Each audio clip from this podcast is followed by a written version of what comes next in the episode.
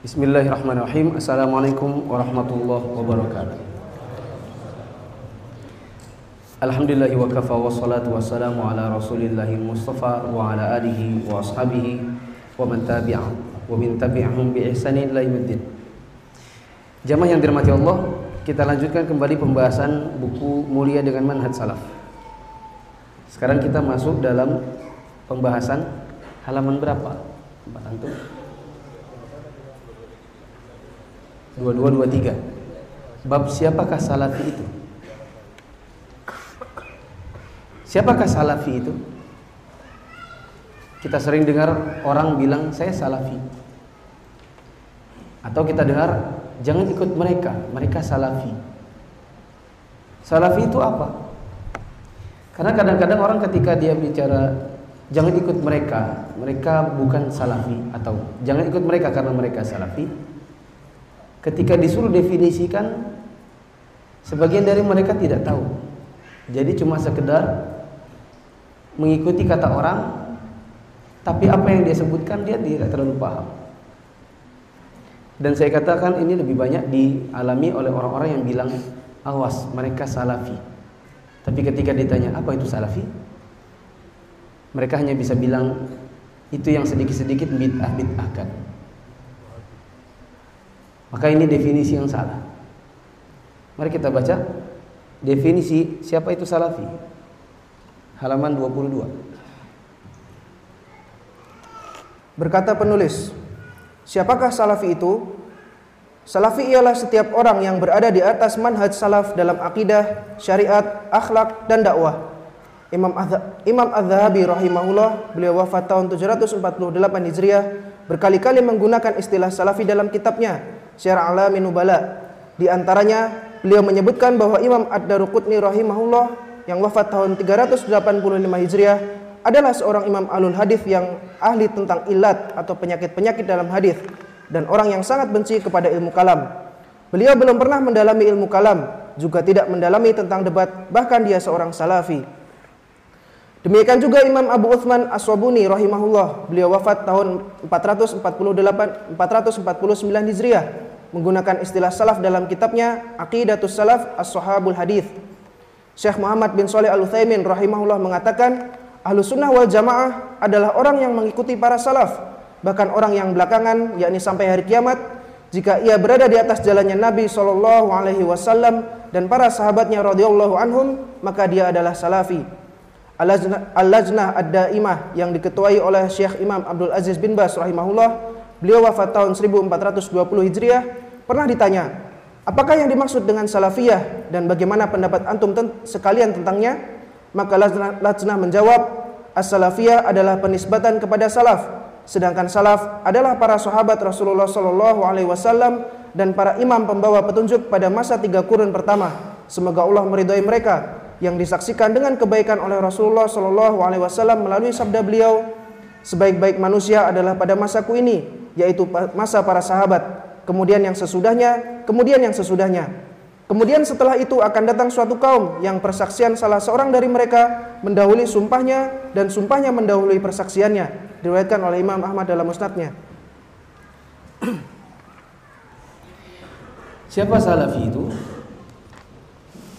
Intinya, salafi itu adalah siapa pun yang berada di jalannya Nabi SAW dan para sahabatnya dalam beragama. Kalau dia, kalau ada yang mengatakan jangan dekati mereka, jangan ikuti kajian mereka, mereka itu salafi. Berarti Anda disuruh untuk berpaling dari jalannya orang yang berjalan di atas jalannya Nabi dan para sahabatnya. Kalau begitu antum mau jalan di jalannya siapa? Jangan ikuti mereka. Mereka adalah yang anak-anak kuliahan yang IPK-nya paling bagus-bagus. Terus antum mau jadi yang seperti apa? Karena dosennya kan kalau ngasih IPK yang bagus yang pintar-pintar dikasih yang bagus-bagus. A A A A plus A plus A plus. Kepada yang memang pintar-pintar. Datang generasi setelahnya angkatan baru ada di antara kakak-kakak kelasnya yang bilang jangan ikuti mereka. Mereka itu yang paling pintar-pintar. Terus antum mau jadi yang mana? Antum mau kuliah seperti apa? Antum baru masuk kerja. Anak baru. Nggak ngerti SOP antum mau kerja tiba-tiba ada Karyawan-karyawan yang memang sudah lama di situ, mereka bilang jangan ikut yang itu, itu yang manajer-manajer. Terus antum mau pakai SOP siapa? Dalam beragama yang harus diikuti adalah Nabi SAW dan para sahabatnya. Nanti akan datang sekian banyak dalil tentang kewajiban untuk beragama dengan agama caranya Nabi dan para sahabatnya. Kalau ada orang bilang jangan ikuti mereka, maka antum diarak ke jalan yang bukan jalannya Nabi SAW dan para sahabatnya. Maka antum beragama dengan model apa? Maka kalau ada orang kalau ada orang bilang jangan ikuti mereka, mereka salafi. Maka saya katakan antum sedang diajak untuk menyimpang dari jalannya Nabi dan sahabatnya. Kenapa bisa ada orang bilang demikian? Jawabannya karena mereka tak tahu apa itu salafi. Atau mereka mendapatkan pemahaman tentang salafi dengan pemahaman yang salah. Yang didapatkan bukan dengan pemahaman yang sebenarnya. Mereka ilmu tapi ilmunya salah. Uh, siapa presiden pertama Indonesia? Aku tahu, ya siapa? Soeharto. Ini ilmu bukan? Bukan. Kenapa bukan? karena tak sesuai dengan kenyataan. Itu namanya jahil atau jahil.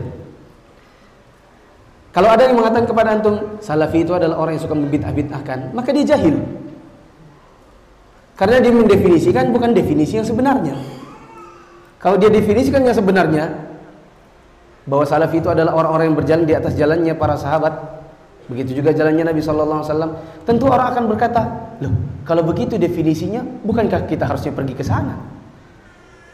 Bukannya justru meninggalkan mereka?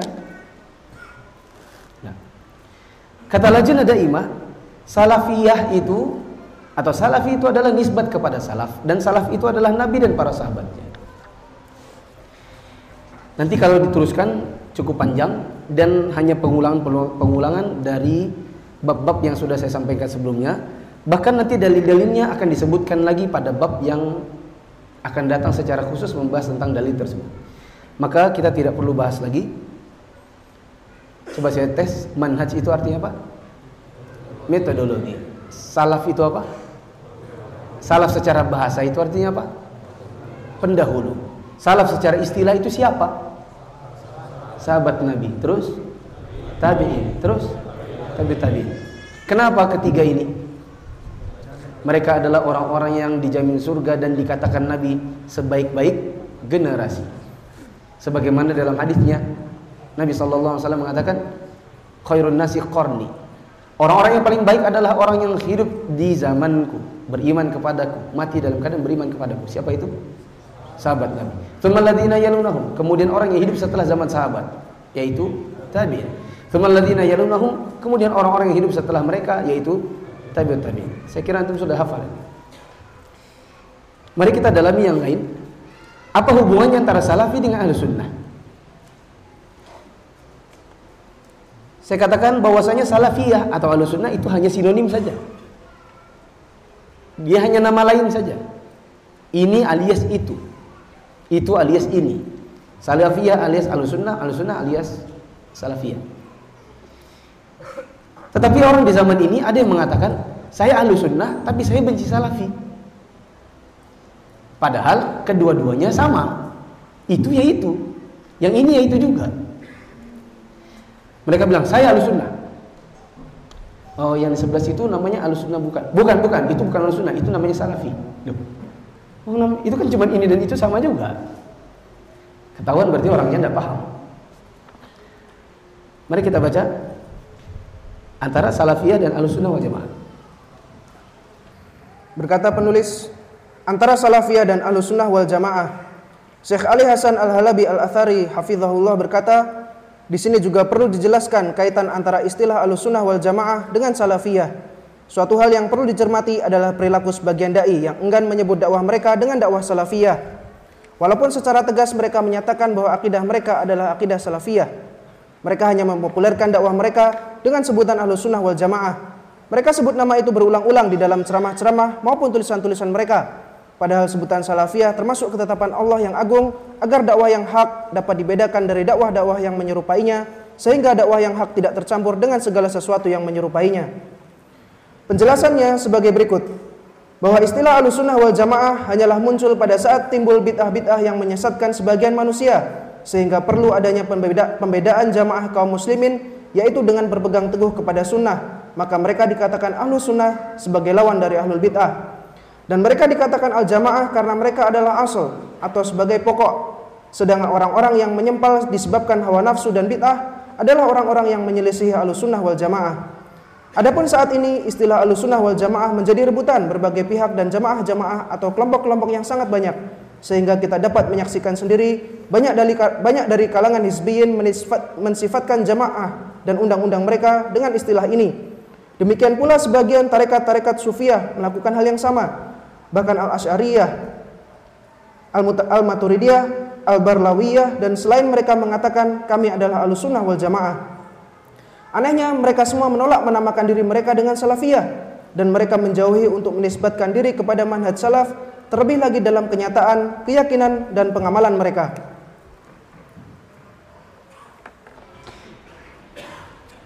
Syekh Ali Hasan Al-Halabi mengatakan ringkasnya begini.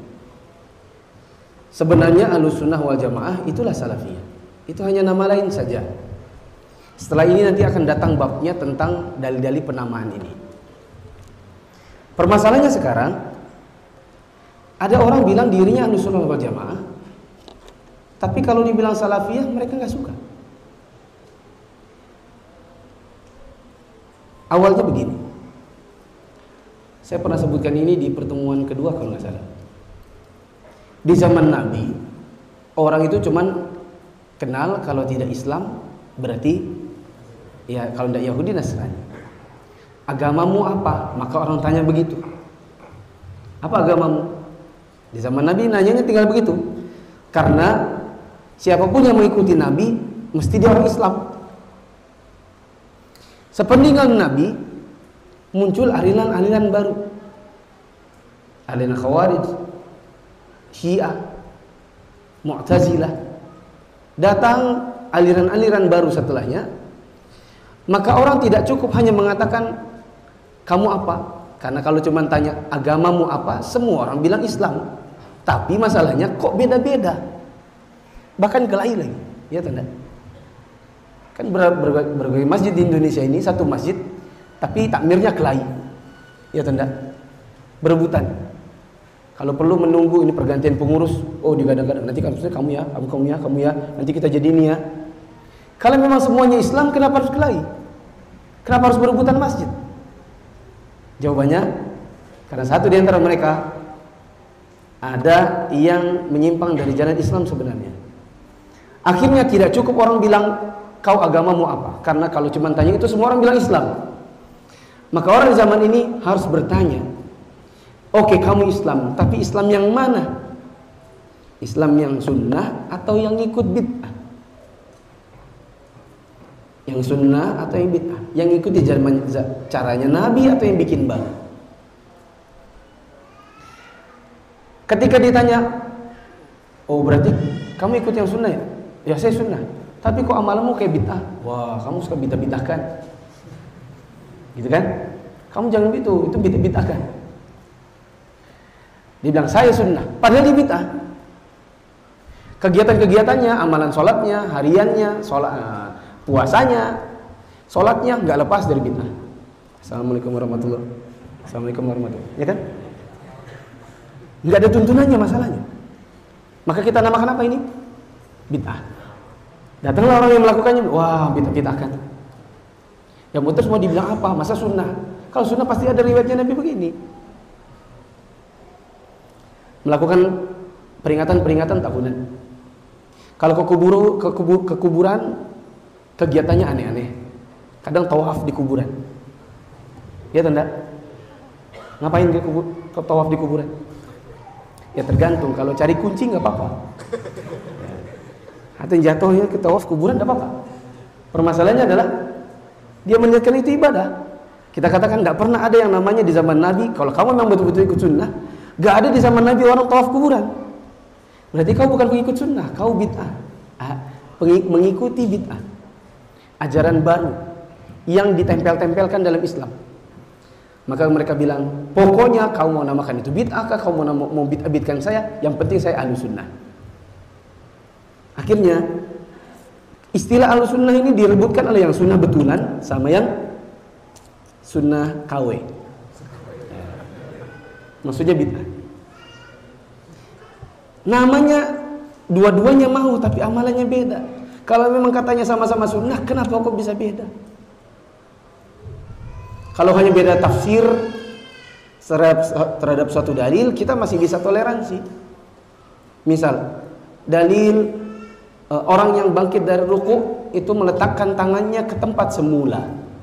Yang mana tempat semula? Ada beda penafsiran para ulama. Ada yang bilang kembali ke tempat semula yaitu kembali ke tempat di mana tangannya diletakkan waktu belum sholat. Di mana tempat tangannya? Samping badan. Ada ulama yang mengatakan yaitu di tempat di mana dia letakkan tangannya sebelum ruku. Di mana temannya? Tempatnya. Maka sami Allah liman hamidah ada yang taruh di samping, ada yang taruh di dada. Itu nggak ada masalah. Karena para ulama al-sunnah memang khilaf ulama dalam menafsirkannya. Tapi permasalahannya ini bukan cuma sekedar beda tafsir. Memang yang satu berdalil, yang satu tak berdalil. Ada yang di antara mereka umat Islam ini mengerjakan hal-hal yang baru yang nggak ada dalilnya. Lalu yang lain memprotes, eh nggak gitu, dikritis lah, dikritik. Salah itu, kamu ini nyala-nyalakan. Loh, itu saya masa mau bilang benar. Nabi bilang, man amila amalan laisa alaihi amruna. Siapa yang beramal amalannya tidak ada tuntunannya dari kami maka amalnya tertolak. Kan kasihan kamu capek-capek ngerjakan ini, ngerjakan itu nggak ada pahalanya karena tertolak karena nggak ada tuntunannya. Dia bilang, oh kamu bid'ah bid'ahkan, kamu bid'ah bid'ahkan. Nah dari pas dia capek ngomong ini sunnah ini sunnah juga, maka muncullah istilah baru di kalangan para ulama. Bukan istilah baru, istilah yang dipopulerkan meskipun dia mungkin tidak dikenal di zaman Nabi, tapi istilahnya sudah dari Nabi. Sebagaimana kata Nabi kepada Fatimah, ni'mas ni'mas salafu ana lagi sebaik-baik salaf untukmu adalah aku. Maka para ulama al-sunnah memunculkan istilah, dipopulerkanlah salafi. Oke deh, kamu ngaku dirimu al-sunnah juga? Iya. Kalau begitu, kau mau dinamakan salafi atau enggak? Oh enggak, ah ya sudah. Bedalah kita akhirnya. Paham gak jemaah? Karena kalau pakai al-sunnah, semuanya mau. Ketika dimunculkan, kalau gitu salafiyah, Nah, yang KW tadi bilang, enggak mau. Nanti kayak kamu. Ini nggak boleh, ini nggak boleh, itu nggak boleh. Jenggotnya panjang, celananya cingkrang, musik nggak boleh, eh, pacaran nggak boleh, semua nggak boleh. Nah, berbedalah kita. Muncullah satunya alusunnah ala mereka dan satunya alusunnah salafiyah. Alusunnah ya salafi, salafi alusunnah. Itu hanya nama lain saja. Di sini ada masalah yang lain lagi. Ada sebagian orang yang mereka bilang kami salafiyah. Tapi kalau namakan dirinya salaf gak mau. Maka mereka dibagi jadi dua. Ada yang tidak mau karena mempertimbangkan masalah mudarat untuk bernama dengan nama itu. Ada yang tidak mau karena masih kepengen juga mirip-mirip yang lain. Supaya bisa ganti-ganti baju. Kita tinggalkan yang KW tadi. Muncullah yang namakan saya salafi. Akidah saya salafi. Saya bertemu banyak orang-orang seperti ini di kalangan dakwah. Afon ya Ustaz, saya pernah nembak langsung ke sekitar 2-3 orang di kampus saya dulu. Saya datang ke kamarnya lalu saya tanya. Afon ya Ustaz? Iya. Antum itu salafi atau bukan? Salafi. Oke, okay, salafi. Uh, model kayak apa? Eh, emang kayak apa? Soalnya terus terang saya kurang yakin. Ya. Nggak yakinnya kenapa? Antum anti banget dengan menamakan diri seorang salafi. Sebabnya apa dulu? Rupanya setelah saya korek-korek, intinya bacaan-bacaannya masih bacaan ikhwanul muslimin. Ulama-ulama yang dia timba ilmunya di Saudi, sebagiannya memang punya manhaj ikhwanul muslimin. Maka saya bilang, ya salafi versi antum. Makanya kok saya lucu juga ketemu dengan orang yang bilang saya akidahnya salafi, tapi saya kalau di yang lainnya saya nggak usah sebut nama saya salafi. Harusnya nggak perlu antipati. Kecuali Kecuali kalau kemudian misalnya saya pulang ke kampungnya istri saya. Di mana orang tidak ngerti agama. Orang sholat lima waktu saja setengah mati ngajak dia. Ngapain datang-datang ke sana? Eh, saya salafi, saya salafi. Enggak ada, enggak ada untungnya. Mending tidak menamakan dengan nama apa pun. Kecuali misalnya mereka bertanya, Bapak Islam ya? Iyalah Pak, masa enggak Islam? E, apa Islam yang mana? Maka kita bilang yang sunnah Pak kita tidak bisa bilang salafiyah karena tentunya pemahaman masyarakat belum sampai ke arah sana. Maka saya katakan, kalau ada orang mengatakan saya ada seorang salafi, tapi dia tidak mau namakan dirinya salaf, maka mereka saya katakan kurang lebih ada dua lah. Yaitu salafi yang masih memiliki pengaruh pemikiran ikhwani atau harokah atau yang memang mempertimbangkan untuk tidak menggunakan nama itu supaya tidak terlalu membuat berbeda dari masyarakat. Yang nomor dua, baina baina, baina baina ya maksudnya adalah ya tergantunglah tempatnya. Terus terang dulu waktu saya pertama kali datang ke Balikpapan setelah saya pulang dari Saudi 2014. Saya per, belum pernah mengucapkan kata salaf di kajian saya sampai kurang lebih dua tahun. Saya ingat sekali Sampai saya ngomong ke beberapa orang atau ke sebagian ustaz, ustaz di majelis saya belum pernah sekalipun saya bilang kata salaf salafi di kajian saya. Saya hanya mengatakan sunnah, sunnah, mengikuti sunnah, dakwah sunnah, manhaj saya sunnah. Dan sekarang setelah 2016 ke atas, saya mulai banyak memunculkan dakwah salaf, kata salaf, salafiyah atau sunnah dengan dua pertimbangan. Satu, sebagian teman-teman yang baru ngaji ke sini ke sininya nggak paham tentang manhaji. Mereka hanya tahu sunnah, sunnah, sunnah, sunnah, sehingga mereka mengira yang pokoknya yang penting kalau ustadz itu berjenggot dan celananya tidak isbal, sunnah. Padahal orangnya membawa pemikiran khawarij, ISIS. Sebagian dari yang kalau antum lihat data atau melihat orangnya jenggotnya ada panjang. Nanti melihat celana nggak isbat. Oh sunnah berarti antum ikutlah kajiannya. Padahal sebenarnya bukan sunnah. Bahkan takfiriyah. Hanya terselubung antum dengan jenggot dan celana. Maka ke sini ke sininya saya lihat kita tidak bisa lagi hanya sekedar memunculkan kata sunnah sunnah. Karena kalau cuma sunnah semuanya bilang sunnah. Bingung mereka. Bahkan jamaah tablik ini juga sunnah. Kenapa pertimbangannya? Sekedar kata sunnah. Tapi antum kalau tanya jamaah tablik salafi benci banget. Tapi kalau antum lihat tampilannya covernya, casingnya sama. Tapi isinya satunya Samsung betulan, satunya KW. Maka jamaah yang dirahmati Allah, saya 2016 ke atas mulai banyak memunculkan kata salaf. Bagaimana salaf? Sunnah. Sunnah salaf. Kenapa? Karena kasihan jamaah ketika tidak diberitahu, mereka tidak bisa betul-betul membedakan mana yang betul-betul casing dan isinya asli dengan yang casing nampak sunnah, isinya beda. Apalagi kalau kemudian isinya seperti di masjid yang tadi saya sebutkan. Ketika berubah takmirnya, Ustadz saya, Ustadz Abdurrahman ditendang. Dibuang dari kajian-kajian. Dimunculkan Ustadz-Ustadz yang lain. Didatangkan dari Jakarta, dari mana, dari mana, didanai. Yang kita tahu, mereka adalah orang-orang yang punya pemikiran ISIS. Ya. Bahkan sebagian dari mereka ada yang betul-betul didatangi sama sebagian ikhwan kita. Ustadz, saya browsing antum di Google, rupanya antum pernah ikut bayat ISIS di Malang.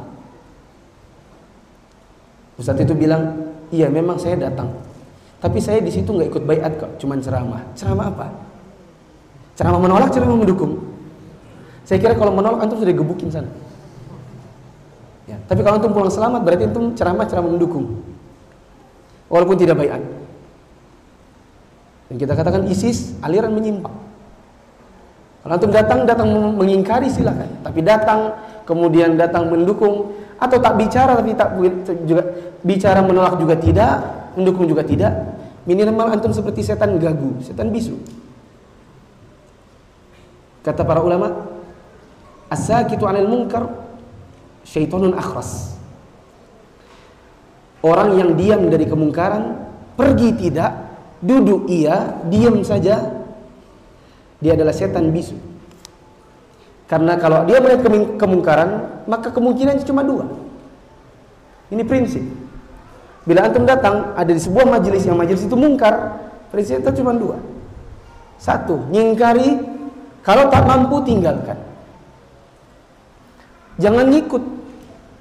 Di pos kamling lewat lantung misi pak.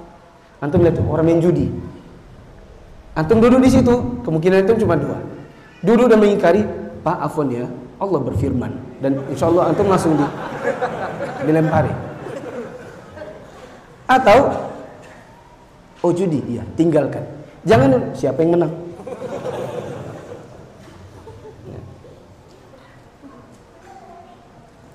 begitu jemaah pertimbangan yang lain adalah kalau di balik papan istilah salaf sudah umum saya kira ustadz-ustadz yang lain yang selain saya terutama Ustaz Abdurrahman karena beliau sudah dakwah di sini sudah bertahun-tahun. Ya, saya kira beliau sudah banyak memunculkan istilah ini. Ya. Alasan yang ketiga, ustadz-ustadz di seluruh Indonesia mulai mengkritik sebagian ustadz yang hanya bisa bilang sunnah. Kenapa? Kenapa, kenapa antum takut? Anu ustadz, kalau kita bilang sunnah sunnah nanti orang-orang lari. Apakah antum dakwah kan dakwah supaya diikuti orang dan antum takut ditinggalkan orang?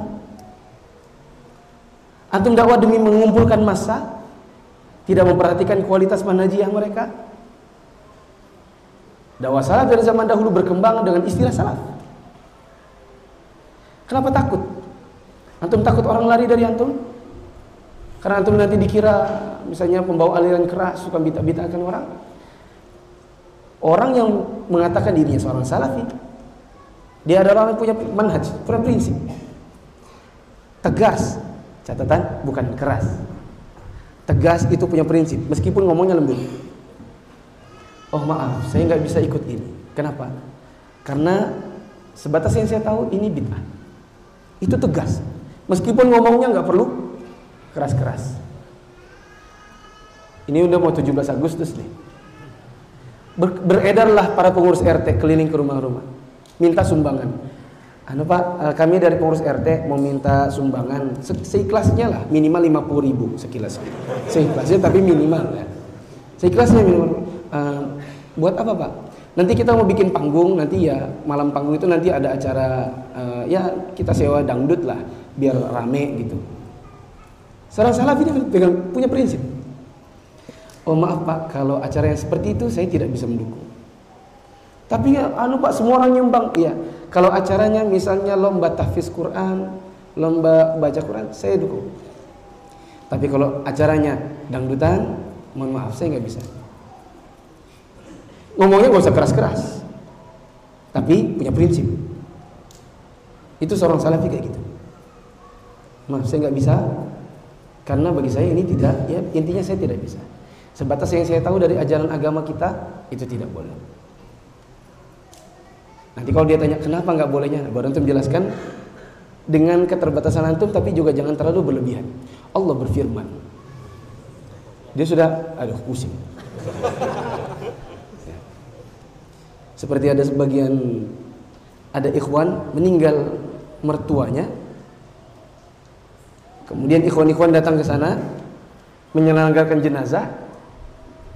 Kemudian orang kampung situ bilang, "Ini aliran apa ini?" Oh ini sunnah pak. Kita menyelenggarakan penyelenggaraan tata cara pengurusan jenazahnya sesuai sunnah. Apalagi itu? Ya pokoknya sesuai sunnah. Kan Rasulullah SAW bersabda, Ais keluar lagi hadisnya. Ay kalau keluar hadisnya kalah sudah kita. Gitu jemaah. Belakangan ini mungkin antum yang sudah biasa belajar kalau mengikuti perkembangan khususnya dakwah saya dari 2014 kurang lebih dua tahun tak, sekat, tak satu kata salah pun keluar di majelis saya. Saya mengajarkan tauhid, jangan syirik, eh, pembatal-pembatal keislaman, kemudian uh, fikih, sholat, wudhu dan seterusnya. Dan itu kalau mengikuti saya dari 2014, baru tahun ini saya bukakan kajian manhaj salaf. Berapa tahun butuh waktunya? Tiga tahun. Tapi ada proses soalnya. Proses pertama karena saya baru pulang. Kalau langsung dakwah salaf mungkin orang larian duluan. Yang kedua, ke sini ke sininya kan sudah terlalu lama. Dan saya lihat kita semakin banyak orang tapi nggak paham. Dulu jamaah nggak ada yang namanya kegiatan-kegiatan kegiatan kajian daurah sampai melimpah-limpah sampai ke sampai pasang tenda itu nggak ada zaman dulu. Dulu nggak ada. Ke sini ke sininya ustadz ustadz kita kalau datang daurah, mohon maaf ya, saya tidak menyalahkan materinya, demi Allah nggak salahkan. Ke sini ke sininya daurah kita itu tidak seperti daurah tahun 2099. Antum waktu itu mungkin masih di ngamen kali ya, mungkin masih SD atau bahkan belum lahir. Waktu itu ustadz ustadz itu ngajarnya fik, uh, akidah, akidah, manajiyah, salaf, sunnah, alu sunnah. Sedikitlah orang. Ke sini ke sininya ganti materi. Rumah tangga hak suami istri bersama keluarga masuk surga materi saya juga. Ya. e, ganti ustadz suami istri lagi. Bagaimana membahagikan pasangan? Ke sini ke sini itu. Itu terus berputar orang suka antum suka ya tidak walaupun antum belum nikah antum suka oh rame, haha, ketawa gitu. Tambah banyak. Kalau sudah Ustaz Syafiq masjid ini nggak penuh, eh nggak penuh, nggak cukup. Sudah Siti Firanda nggak cukup. Kalau kajian rutin, ah, terlalu cukup. Tambah banyak orang. Tapi orang kalau ditanya, apa itu khawarij? Bingung jawabnya. Apa itu syiah? Kalau nggak salah itu yang sesat yang itu kan kalau nggak kalau nggak salah. Ya. Akidahnya sendiri nggak yakin dia. Ya. Apa itu khawarij? Apa ya Ustaz? Apa yang kau ketahui tentang misalnya apa yang kau ketahui tentang Usama bin Laden? Oh bagus. Itu yang ngebom Amerika kan? Itu orang-orang nggak paham. Apa yang kau ketahui tentang siapa ya? Uh, apa yang kau ketahui tentang uh, jamaah tabligh? Uh, itu yang suka keliling-keliling rumah ngajak-ngajak orang sholat. Iya. Gimana? Bagus. Karena apa? Nggak paham akidah. Dia hanya hukumi zohir, tapi dia nggak paham inti. Ya. Hanya lihat kacang dari kulitnya, tapi nggak lihat ternyata ketika dibuka isinya pahit. Ya. Maka ke sini ke sininya saya sebagaimana disarankan banyak ustadz-ustadz khususnya senior-senior penulis buku ini Ustadz Yazid banyak ustadz-ustadz Jakarta Ustadz Ahmad Zainuddin dari Banjarmasin banyak ustadz lagi di perkumpulan ada grup khusus ustadz-ustadz yang menyuarakan mulai tahun-tahun ini jangan lagi hanya sekedar sunnah sunnah sunnah sunnah dan munculkan pula kata salaf karena ahlul bid'ah juga bilang namanya sunnah tapi kalau dibilang salaf tidak mau dia saya katakan ada yang lebih parah lagi di Jakarta. Ada seorang dai YouTube-nya banyak. Menambahkan juga dirinya salafi. Tapi kalau digali bukan akhirnya bukan salafi. Salafi itu apa tadi? Menisbatkan diri kepada Nabi dan para sahabat. Dalam apa? Di sini sebutkan. Dalam akidah, dalam syariat, dalam akhlak, dalam dakwah. Saya tambahkan dalam tafsir Ustadz itu bilang saya salafi. Tapi ketika ditanya bagaimana tafsirnya, tafsir akli. Tafsir dari akal sendiri. Tapi kalau di YouTube antum kira, terutama anak-anak muda, mereka terkesima dengan retorika. Bagus Ustaz kayaknya sunnah. Bahkan ada yang jelas-jelas dia bukan sunnah. Ketika di share di grup, ini siapa ustadznya? Ada yang jawab, salafi insya Allah. Dia nggak tahu. Standar penilaiannya nggak sama dengan karena nggak paham akidah. Maka jamaah yang dirahmati Allah, singkatnya al salafiyah itu al sunnah. Kalau antum ketemu ada orang bilang saya al sunnah tapi nggak mau salafiyah, maka dia aneh. Berarti dia nggak paham itu apa al sunnah, nggak paham itu apa al salaf. Begitu juga kalau ada dan ini otokritik bagi semua dai yang mengatakan dirinya salaf, harusnya harusnya jangan anti menamakan diri Anda dai bermanhaj salaf. Tapi saya maklumi kalau misalnya antum dakwah di kampung yang mungkin orang di sana lebih penting untuk diajarkan soal sholat, soal akidah yang benar dibandingkan soal identitas. Kalau di Balikpapan harusnya ini sudah muncul. Tidak perlu alergi lagi. Jangan takut. Apalagi di Balikpapan ini saya kira orangnya orangnya orangnya intelek intelek. Di Balikpapan itu orang-orang datang pendatang, kebanyakan bekerja atau sekolah, bukan orang kampung. Mereka asalkan pikirannya masih murni, asalkan otaknya masih murni, asalkan pandangannya masih jernih, insya Allah kalau dia ikut kajian salaf dia akan ikut, karena salaf itu fitrah. Karena kajian salaf itu sesuai fitrah. Dalil-dalilnya nggak terbantahkan. Dalil-dalilnya kuat. Berhadapan kita dengan jamaah tablik, tentu mereka akan bilang, iya saya saya akui lah kalau salafi memang ilmu luar biasa. Karena nggak bisa dibantah, salafi kuat dalam sisi ilmu, dalam sisi dalil. Orang kalau belum punya pemikiran, masih awam, masih lugu, masih luculun, ya. belum belum ikut kajian apa belum belum ikut apa pun, dia suruh memilih, dia ikut kajian salaf, insya Allah dia ikut ikut terus. Saya cerita dikit. Saya di dulu belajarnya harokah. Saya ganti-ganti ikhwan muslimin Hizbut Tahrir. Bahkan zaman masih ada MMI, saya ikut. Tapi ketika ada ustadz yang salafi, ah ini nggak suka ini. Ini yang pastinya nggak boleh musik itu kan? Karena nahwa nafsu di kepala. Ketika ada ustadz, jangan itu itu salafi. Iya memang. Apa-apa nggak boleh musik gak boleh, ini gak boleh, celana harus digantung. Apa? Itu dulu saya. Lama-lama saya dengarlah suka ada dialog-dialog antara yang ikut-ikut ikhwan muslimin sama salafi. Sama yang sebentar ya. Ada dialog-dialog kecil, dialog-dialog kecil. Lama saya bisa menilai. Mana ini orang terlalu logika. Pikirannya logika. Dalilnya cerita. Lo dulu kan zamannya Khalifah Anu kan Dulu kan waktu Turki Utsmani, dulu-dulu kan itu waktu di Mesir, dalilnya itu. Tapi kalau yang salafi, la Al-Quran Allah berfirman, Nabi bersabda, Allah berfirman, Nabi bersabda. Apakah sebanding?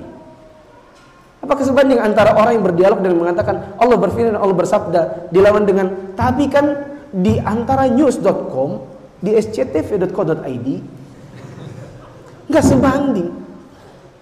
Saya membaca buletin-buletin Hizbut Tahrir al-Islam Dulu-dulu, zaman saya masih ikut mereka. Saya merasa diri saya nggak dapat apa-apa. Karena dikit-dikit B, turunkan BBM dengan khilafah. Oke. Okay. Jumat depan atasi tsunami dengan B, dengan khilafah. Tsunami bisa diatasi dengan khilafah. Itu bencana musibah. Ya. Atasi pemimpin solim dengan khilafah. PLN, zaman PLN masih suka turun naik mati lampu, mati lampu, mati lampu. Mat, nyalakan lampu dengan khilafah. Ini khilafah terus. Nanti saya lihat referensinya. RCTI antara news astaga.com apalah begitu ya? Enggak ada. Sedangkan saya baca buletin-buletin kalau di Jogja itu teman-teman yang mahasiswa yang mereka sambil kuliah UGM tapi mereka tetap belajar agama di bawah Ustadz di bawah asuhannya Ustadz Aris Bonandar, Ustadz Afifi Abdul Wadud, di bawah asuhannya Ustadz Abu Sa'ad rahimahullah.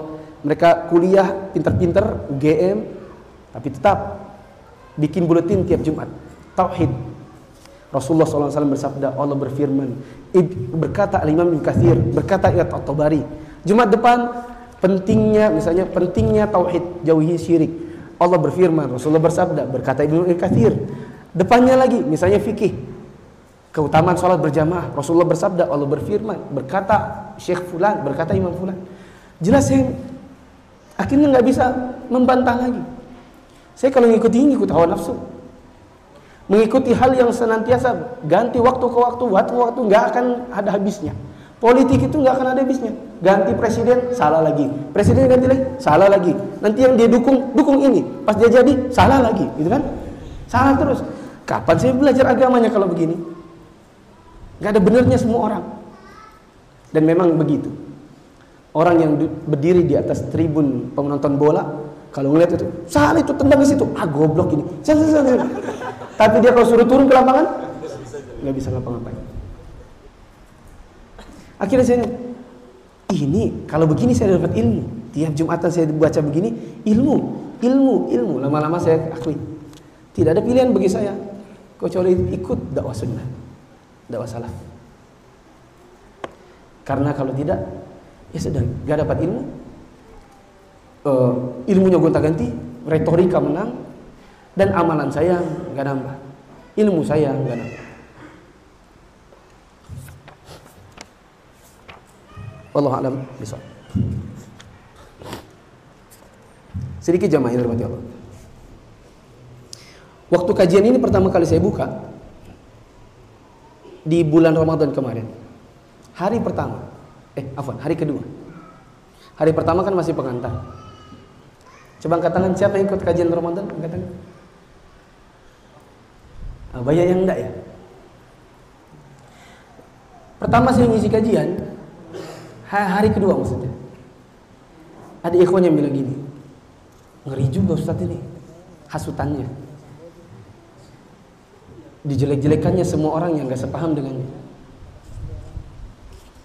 Maka saya jawab, tapi orangnya setelah itu saya tanya, terus antum ikut terus atau enggak? Iya saya ikut terus sih. Nah hari pertama, hari kedua, wih, ngerinya ya. Wih disebutnya lagi, ada disebut tahrir, disebutnya lagi. Wih cuma tablik lagi disebutnya. Salah semua orang-orang itu, dia aja terus yang benar. Heran juga ya.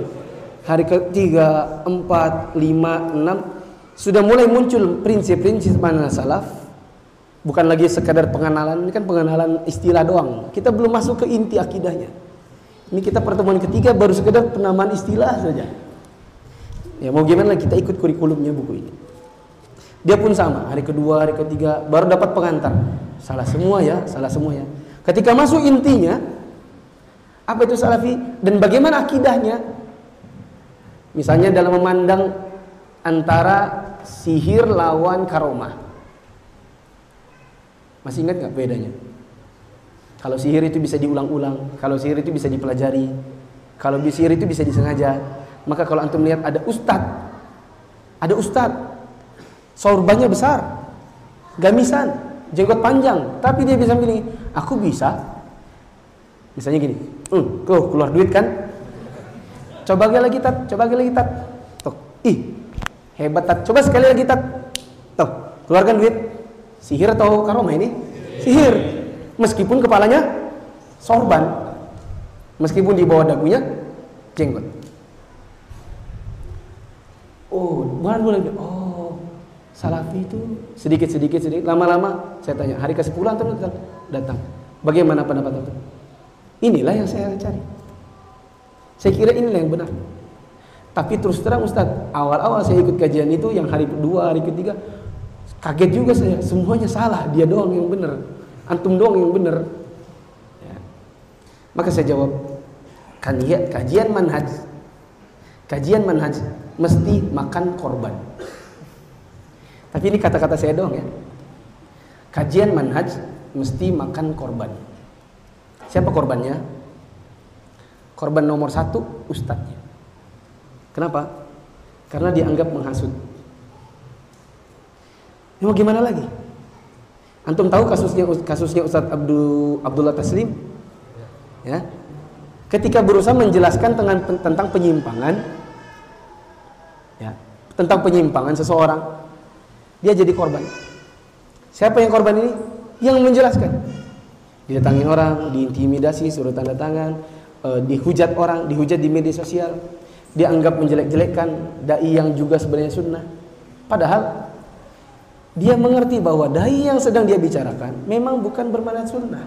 Cuma antum-antumnya tertipu. Tertipu dengan apa? Dengan video YouTube yang banyak sekali, dengan viewer yang ratusan ribu, dengan kemampuan untuk mengucapkan itu letaknya di bawah, ini letaknya di samping, ini di atas. Nomornya, nomornya, hadisnya riwayat ini nomornya, nomornya. Yang sebenarnya kalau satu-satu cek, oh dicek dulu, coba nomornya betul nggak sama yang dia sebutkan? Nggak ada. Jangan. Saya katakan memang kajian ini selalu makan korban. Korban pertamanya ustadznya. Tapi saya bilang saya siap pasang badan. Orang tinggalkan kajian saya, bagi saya sudah tidak masalah. Ya. Kenapa? Ma masyarakat harus tahu mana manhajiyah yang benar, mana yang tidak. Masyarakat harus tahu rincian akidah yang benar, mana yang tidak. Mau nggak mau saya harus menjelaskannya. Meskipun nanti ternyata ada mulai hari ini Ustadz ini aku hapus dari agenda. Ya. Kenapa Ki? Ngeri. Soalnya semua semua disalahkannya. Ya udahlah, saya katakan antum tidak mau orang disalahkan, terserah. Saya berusaha untuk menjelaskan mana yang salah, mana yang benar. Kalau ternyata antum fitrahnya nggak ngikut ya sudah, mau bagaimana lagi? Dan dakwah selama-lamanya begitu. Pasti ada yang pro, ada yang kontra. Azan dulu. Di sini ada pertanyaan. Assalamualaikum Ustaz. Waalaikumsalam. Seiring dengan perubahan penampilan saya yang sekarang nyunnah. Kayak apa sih antum? Mana yang nanya ini? Kayak apa itu penampilan nyunnah? Mungkin maksudnya jenggot kali gitu ya. Ada loh polisi-polisi nggak berjenggot. Terus mereka bukan sunnah? Gimana? Hah?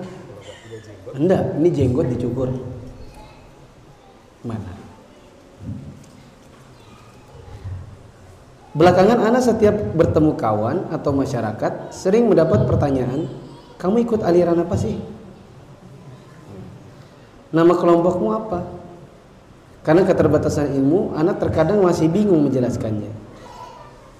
Minta sarannya Ustadz bagaimana menjawab pertanyaan semacam itu.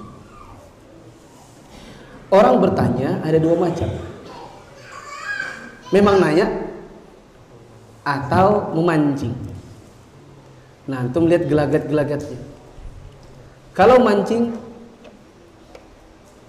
bukan ikan ya, mancing supaya antum ngomong apa berarti dia mau ngajak berdebat.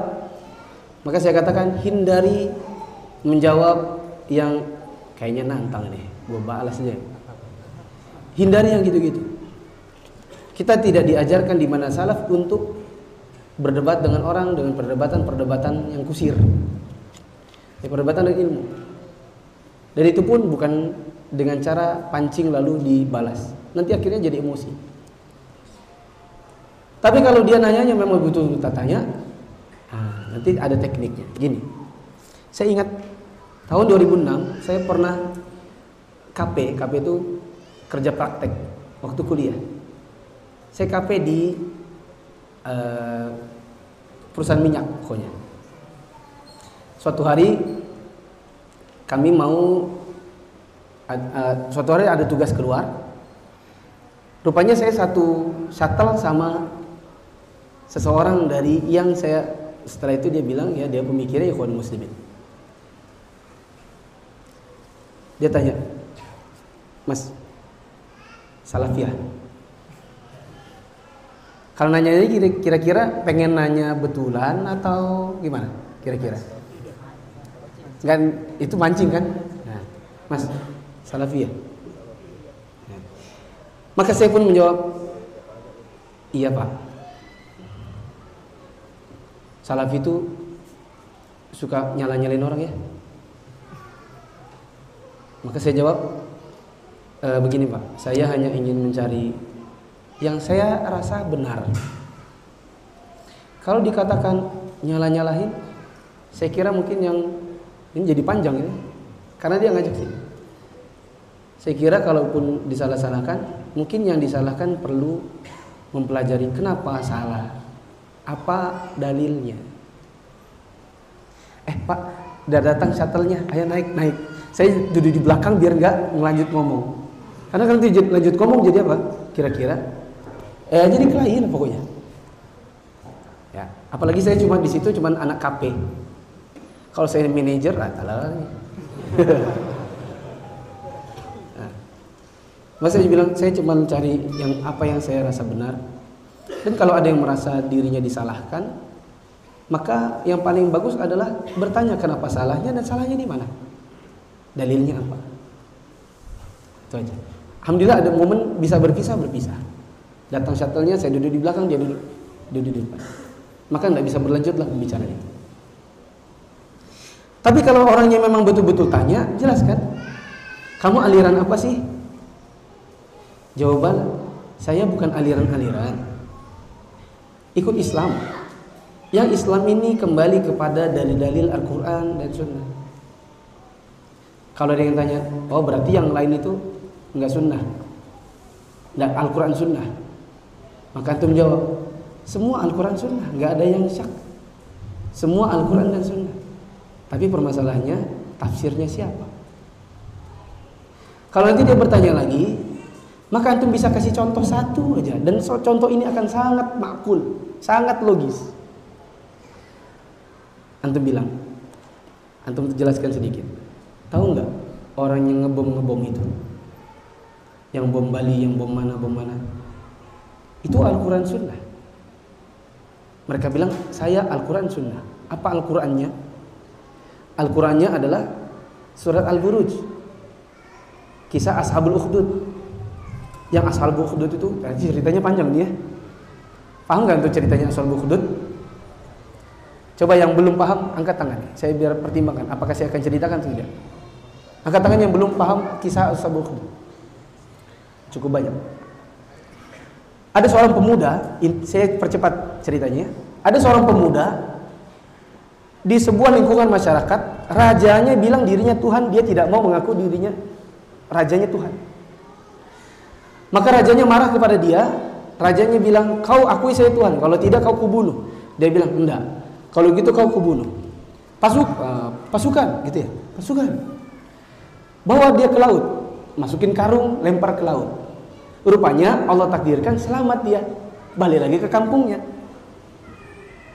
Maka rajanya dengar lagi, belum mati dia, panggil dia. Dipanggil lagi. Kau imannya masih kepada Tuhanmu atau aku? Tuhanku. Kalau gitu kau mati. Tidak apa-apa. Pasukan, lempar dia dari gunung. Dibawa ke gunung, dilempar gelinding ke dari gunung. Rupanya Allah takdirkan tidak mati juga. Masih hidup dia. Akhirnya rajanya bilang, panggil lagi dia, panggil. Bagaimana caranya kau mati? Maka pemuda itu bilang, kumpulkan masyarakat, panah saya sambil mengucapkan dengan menyebut nama Tuhannya si pemuda ini. Oh ya, kamu mati? Mati. Dikumpulkan betulan. Ini pemudanya dipasung, masyarakat kumpul, rajanya bilang, dengan menyebut nama Tuhannya si pemuda ini, sat, mati dia. Rakyat yang melihat, uh, rupanya kalau nyebut nama Tuhannya si pemuda itu mati. Kalau begitu Tuhannya pemuda itu yang betul. Aku beriman kalau gitu sama Tuhannya. Siapa namanya? Allah. Aku beriman kepada Allah. Satu ngomong, aku juga, aku juga, aku juga. Wahnya akhirnya orang jadi beriman kepada Allah. Rajanya marah. Rajanya bilang, buka paret, maksudnya digali parit. Bak, masukkan kayu bakar, dinyalakan api, lalu mereka yang apa namanya? Yang apa namanya? Yang masih mau beriman suruh nyemplung. Beriman? Iya, nyemplung. Siapa Tuhanmu? Allah, nyemplung, nyemplung. Matilah mereka satu-satu sampai ada seorang wanita yang bawa anaknya perempuan, eh anak bayinya. Anak bayinya ketika mamanya bilang, "Aduh, ini kasihan anakku ini, gimana ya? Kalau masuk nanti mati berdua." Masih bayi lagi kasihan. Tiba-tiba Allah takdirkan bayinya ini ngomong. Satu dari tiga bayi sepanjang sejarah yang bisa ngomong. Bayinya ngomong, ibu lompat. Kita berada dalam ke kebenaran.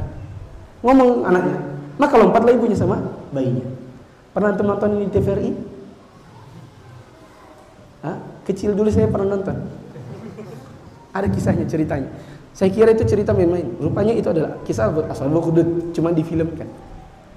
Tapi saya saya sarankan dan nonton. Cukupkan dengan tafsir. Sudah, ini dalilnya bunuh diri. Si pemudanya bunuh diri. Soalnya dia kalau nggak ngasih tahu rahasianya, dia nggak akan mati. Itu kan bunuh diri namanya. Kata mereka.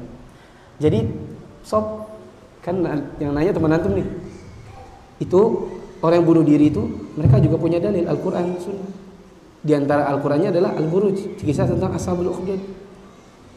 Gitu.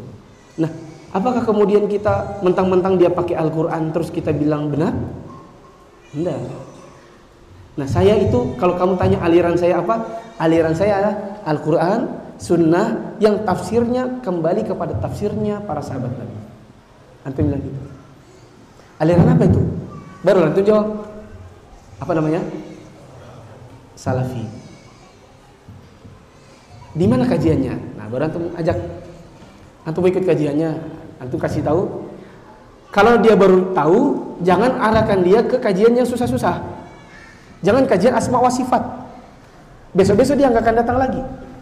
Karena kajian asma wa sifat berat. Tapi kasih dia kajian misalnya Hiliyah Talibin Ilmi. Hari Ahad Maghrib di di mana itu? Di BDI. Nah. Nanti dia akan oh Salafi itu mengajarkan akhlak. Cara belajar yang benar. Antum arahkan kalau Ustaz Abdurrahman bahas di mana? Apalagi yang antum pikir kayaknya kalau anak baru atau masih baru ngaji, bagusnya ke situ saja. Biar dia mendengar pemahaman yang benar. Ya. Begitu. Jadi antum lihat-lihat orang itu nanyanya nanya apa? Kalau nanya nanya mancing, jangan terpancing.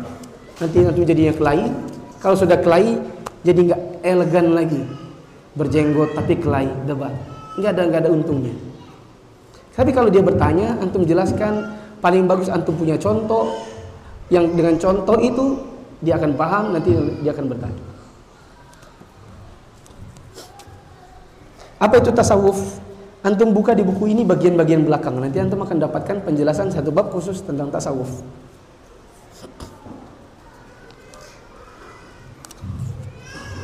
Ustadz seperti tadi Ustadz bilang sebentar lagi 17 Agustus di tempat tinggal anak diadakan lomba anak-anak makan kerupuk.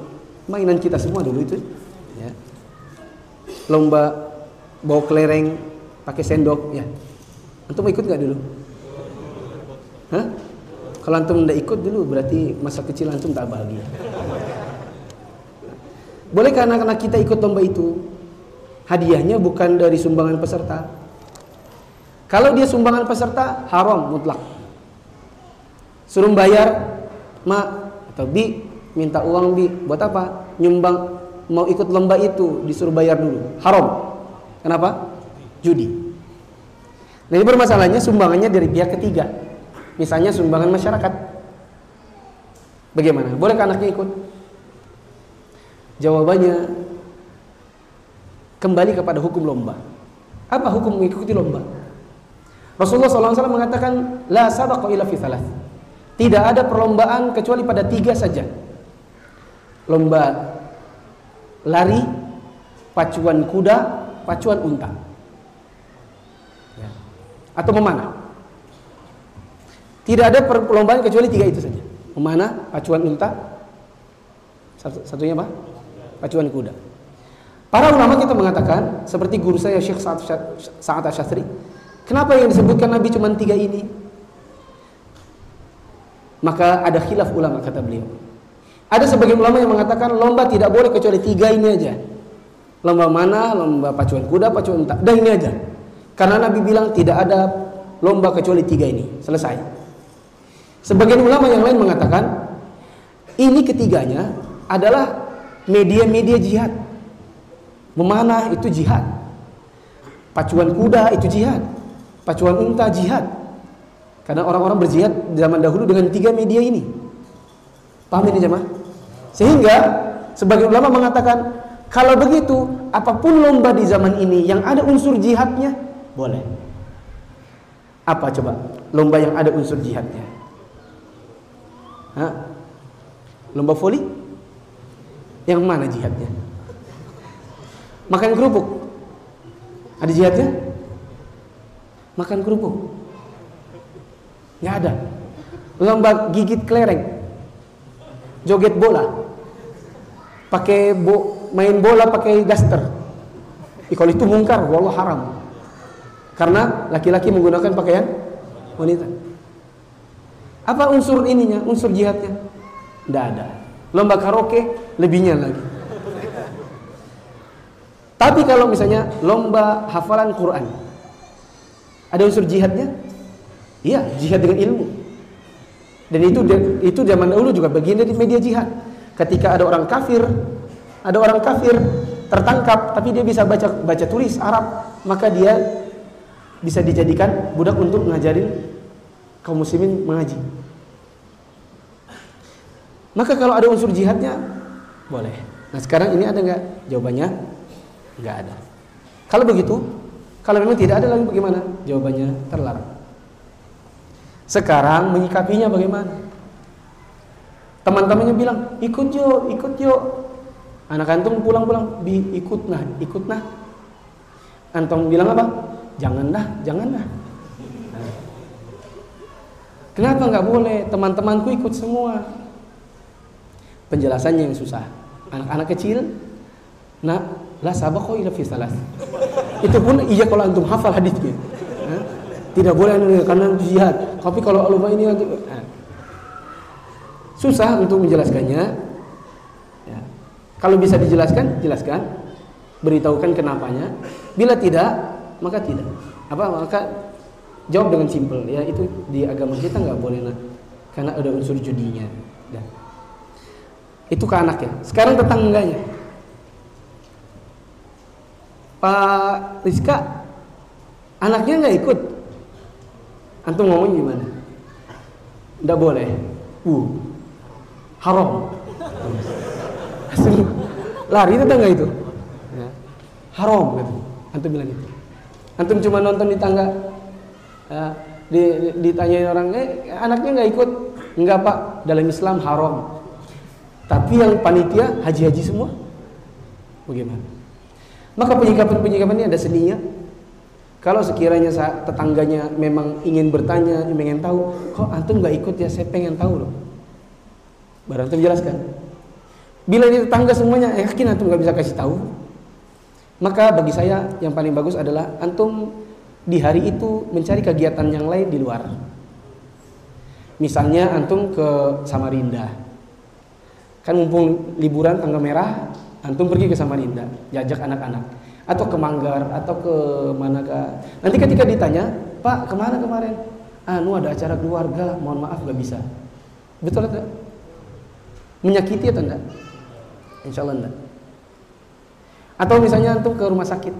Meskipun memang cuma ke rumah sakit hanya untuk keliling naik tangga dan nggak ada yang duduk nggak ada yang nyuruh rumah sakit pulang.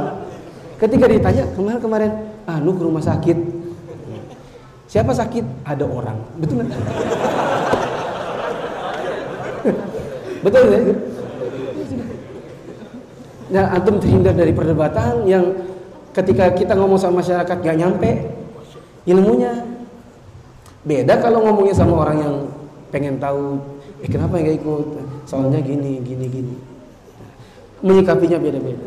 Bagaimana ke anak, bagaimana ke tetangga, bagaimana ke panitia, ini harus perlu ada seni. Jangan nonton. Kenapa Pak? Nggak ikut? Nggak nggak apa-apa. Dalam hati nggak boleh. Tapi ikut tonton. Ada hihi ketawa ketawa juga tuh. Ah itu Ih, itu dia nggak bisa gigit kerupuk nggak ada giginya. Ah gitu. ikut tonton nonton situ. Kalau ikut nonton jadinya apa tadi? Setan. Setan bisu. Kan imam tinggalkan imam mengingkari kan gitu sudah ini aja. Subhanakallahumma wa bihamdika asyhadu an la ilaha illa anta astaghfiruka wa atubu ilaik Assalamualaikum warahmatullahi wabarakatuh.